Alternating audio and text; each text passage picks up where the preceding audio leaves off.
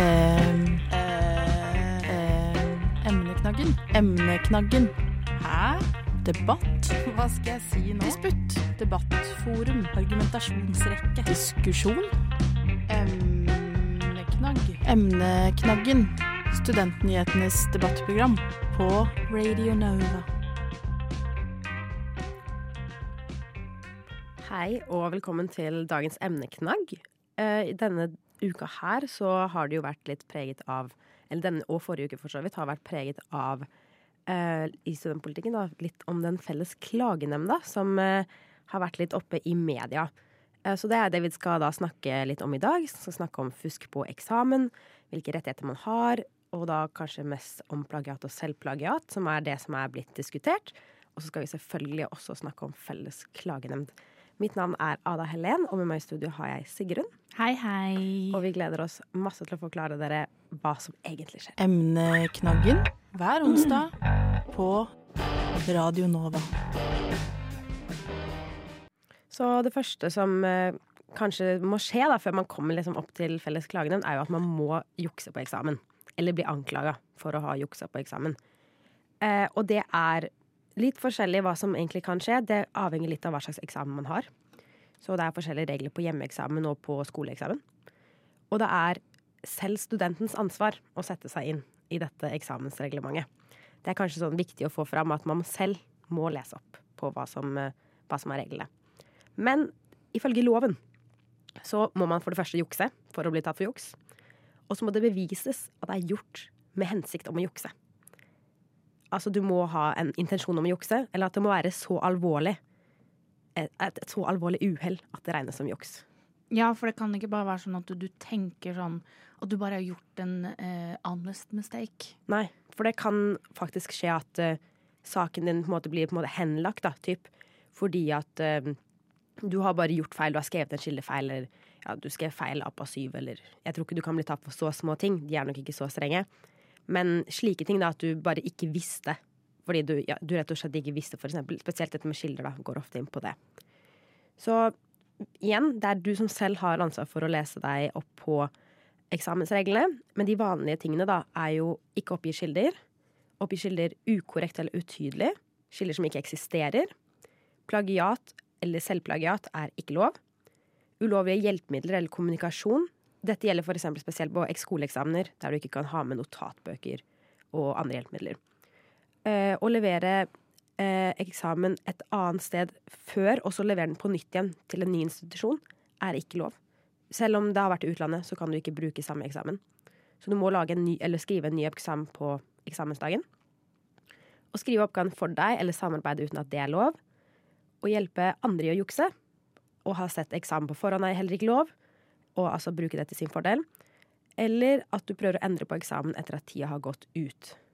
Dette gjelder mest eksamen på papir, da, der du har mulighet til å faktisk gjøre mer ting etterpå.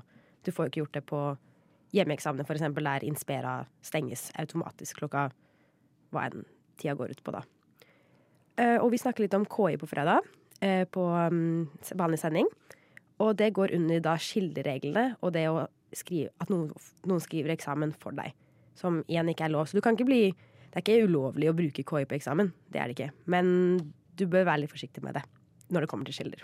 Og så er det jo hvor stor grad de forskjellige reglene gjelder på hva slags eksamen du har.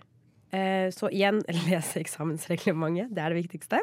Og så er det litt om eh, hvilke rettigheter du har dersom du blir mistenkt for fusk. For eh, det som skjer da, er jo at alle tekster går gjennom plagiatkontroll.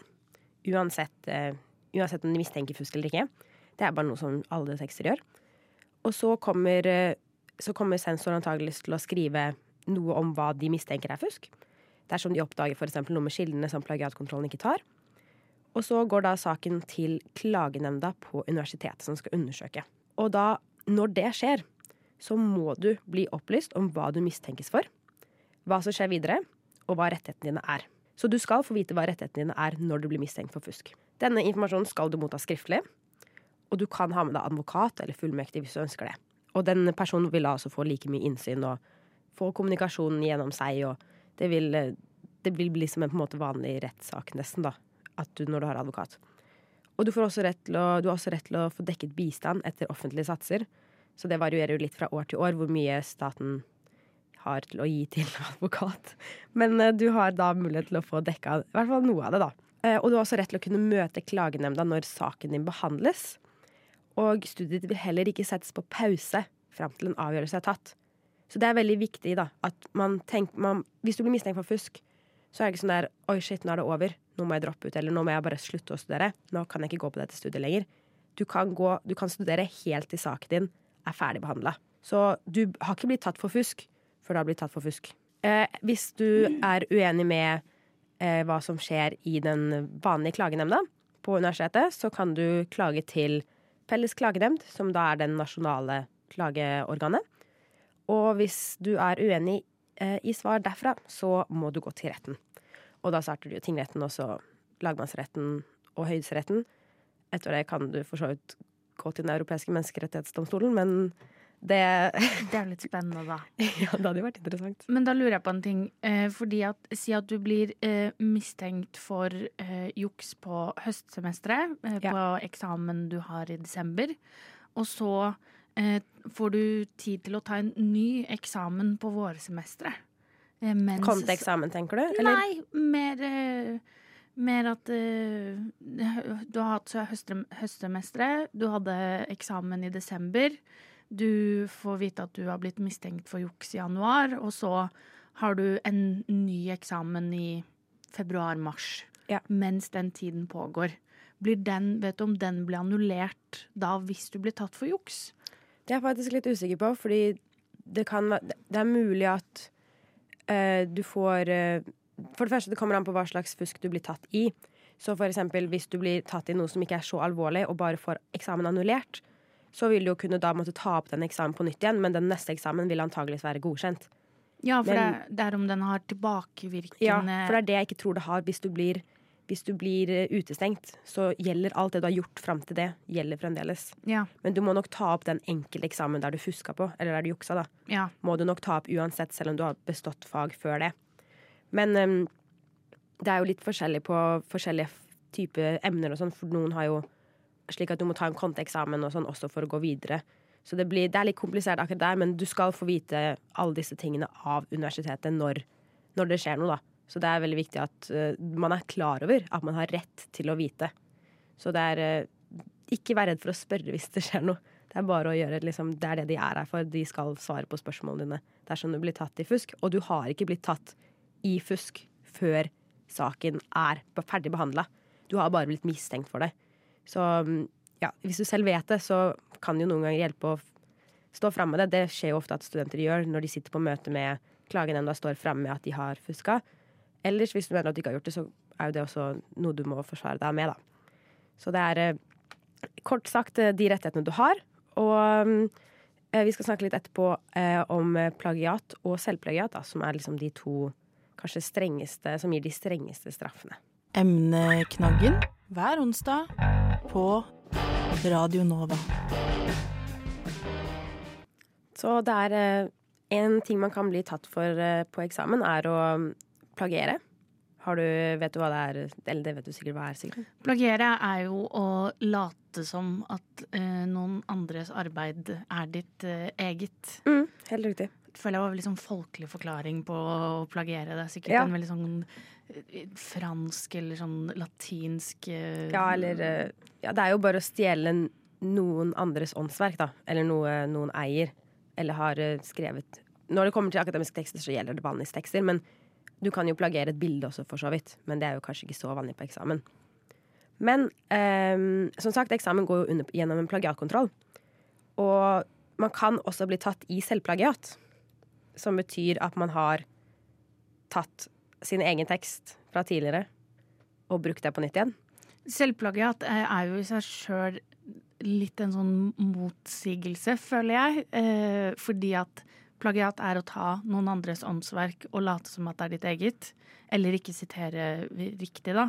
Som også er å bli tatt for plagiat, men da later du som at det er ditt. Mens selvplagiat er at du tar din egen tekst eh, som du har funnet på selv, eh, i ditt eget hode, og så mener de fortsatt at det på en måte er å plage... Det gir ikke mening, Ja. egentlig. Fordi det, det, er jo egentlig, det er jo egentlig ikke et ord engang.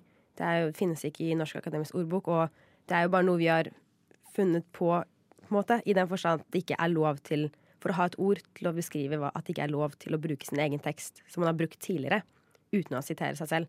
Så hvis jeg skulle ha mm, brukt min tekst fra tidligere, da, så måtte jeg ha skrevet liksom i parentes Ingebretsen 2022, da. Hvis jeg hadde skrevet teksten i 2022. For å sitere det jeg selv har skrevet fra tidligere av. Da er det ikke selvplagiat. Men hvis jeg ikke hadde skrevet mitt eget etternavn også 2022, og så skrevet ordentlig referanselista min egen tekst, da er det selvplagiat. Og det slår ut på plagiatkontrollen. Uh, og det er jo litt Ja, som du sa, det er jo litt sånn paradoksalt. Hvor, hva er på en måte Man kan jo ikke stjele sin egen tanke eller sin egen mening. For det er jo noe man kanskje mener selv. Man må jo få lov til å ha flere, eller samme mening over lengre tid. Så man må jo kunne bruke det argumentet man har brukt tidligere på en ny eksamen. Uh, og det er jo et nytt lovforslag som ble satt fram i sommer fra regjeringen, eller Kunnskapsdepartementet, da, om at bare det som gir uttelling på studiet, skal være det som må refereres. Så hvis du leverer et arbeidskrav som du trenger å få godkjent for å gå opp til eksamen, så gir det uttelling på studiet, og da må du referere til deg selv hvis du skal referere til arbeidskravet ditt på eksamen. Som gir ingen mening i det hele tatt. Ja, men det er jo for å sette en grense, da. For da kan ikke notater da, fra forelesninger for eksempel, være selvplagiat. Ja, ja, det skjønner jeg jo, men altså, jeg føler hvor mange ganger har ikke jeg gjentatt meg selv fra noe jeg har skrevet i en obligatorisk oppgave for å få lov å gå opp til eksamen, så får vi ca. samme tema eller lignende tema på eksamen. Og så er det ikke det at jeg har copy-pasta nødvendigvis, men jeg har, jeg har, på en måte skrevet basically det samme. Har hatt samme argumentasjonsrekke eller ja. noe slikt. Da. Så det er jo litt sånn utydelig hvor, hvor grensa på selvplagiat her også går. Er det, da, er det selvplagiat å ha på en måte en lik argumentasjonsrekke? Eller må man på en måte kopiere seg selv? For det er garantert plagiat. Det slår ut på plagiatkontrollen.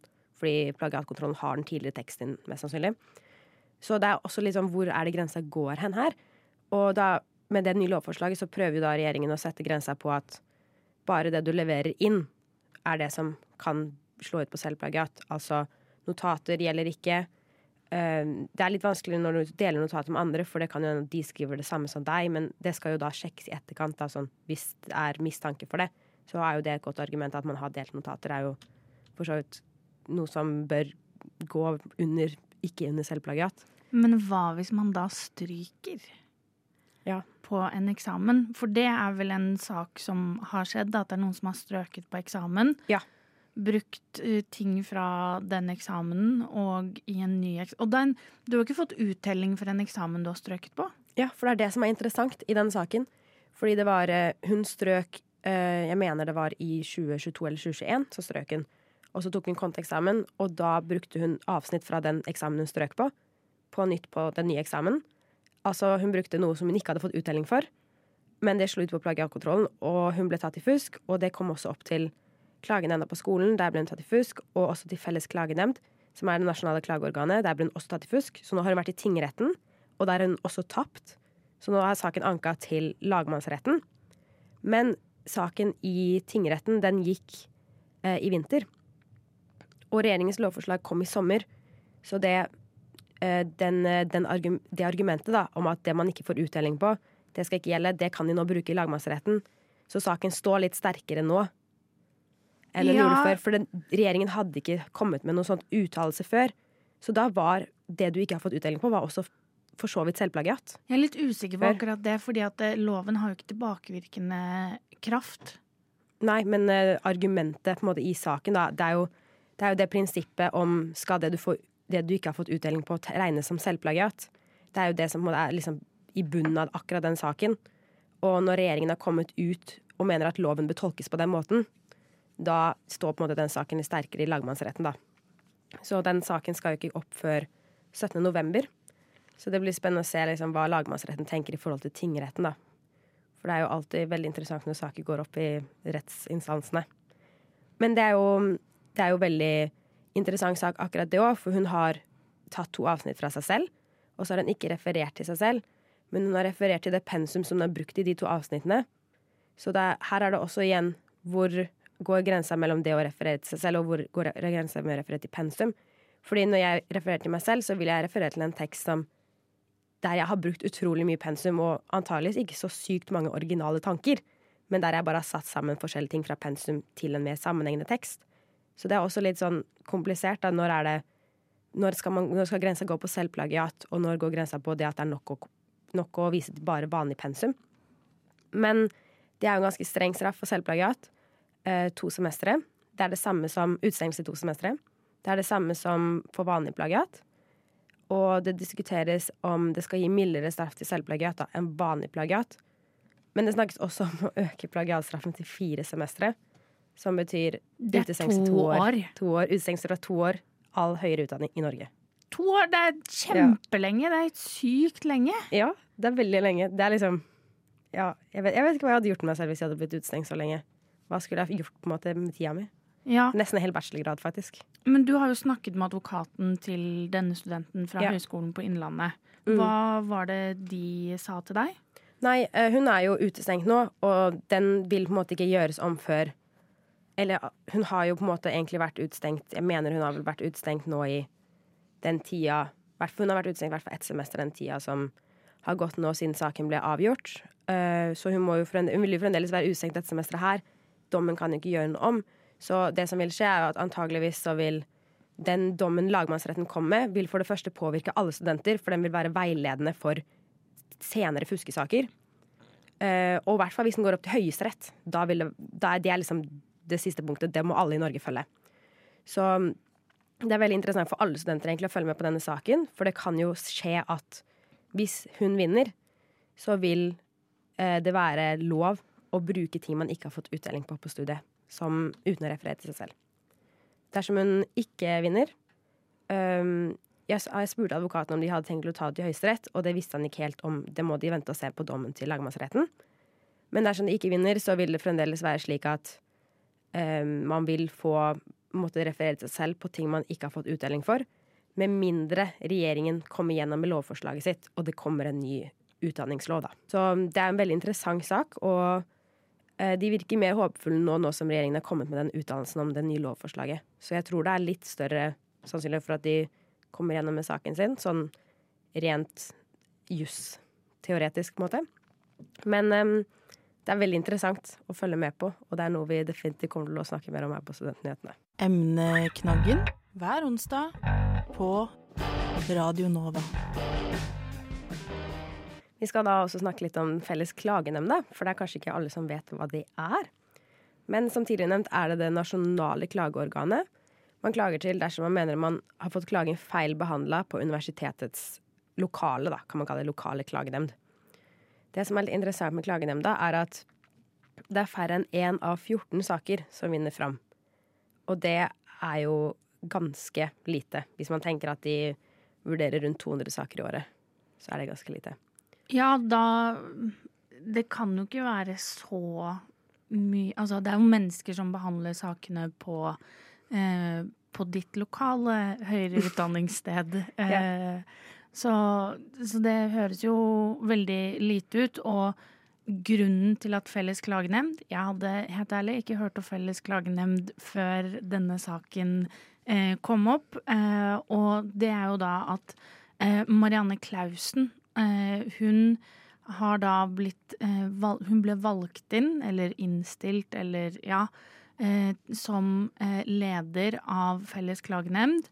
Etter å allerede sittet i klagenemnda, altså Felles klagenemnd, i to perioder. Og det er ikke lov å sitte mer enn to perioder. Mm. Fordi at uh, det er slik at uh, klagenemnda skal ikke bli på en måte bare de samme folka som ser på, den, ser på de samme sakene hele tida. Det må komme nye vinklinger, nye tolkninger, nye personer inn i nemnda. Og det er jo derfor at man skal Det er derfor du bare kan sitte i åtte år til sammen, er det, for en periode er fire år, så du kan sitte i åtte år til sammen. Eh, og det Kunnskapsdepartementet sier, da, det er, for det er Kunnskapsdepartementet som velger hvem som skal sitte i nemnda, og så takker de ja hvis de ønsker det. Og det Kunnskapsdepartementet sier, er at de uh, tolket loven slik at når Marianne Clausen ble først oppnevnt som nestleder i nemnda til sin første periode, og så i sin andre periode ble hun oppnevnt til leder, så hadde hun bare vært leder i én periode, og det var greit for henne å sitte i samme stilling i to perioder, selv om hun hadde vært i en annen stilling tidligere. Ok, Så da kunne hun i teorien sittet som nestleder i to perioder, Mm. og så leder i to perioder. Altså sånn Ja. Det er Og så kanskje, hvis, hvis man tar lov på den måten, så kan man jo da gå tilbake til vanlig medlem i åtte år til.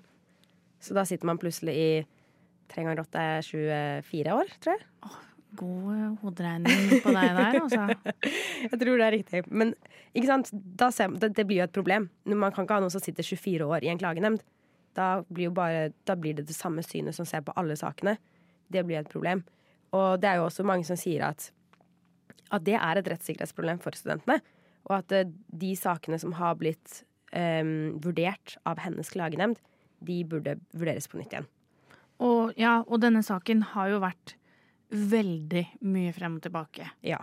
Altså, det var jo først at hun ble valgt slash innstilt eh, som eh, leder for en, eh, altså for en andre periode, men en tredje periode i klagenemnd. Så trekker, hun, så, så trekker hun seg, og så sier de sånn Nei, men hun skal være likevel. Og så eh, gikk kunnskap, Kunnskapsdepartementet ut og sa sånn Nei, dette går ikke likevel. Og det har vært etter mye press fra annet eh, NSO.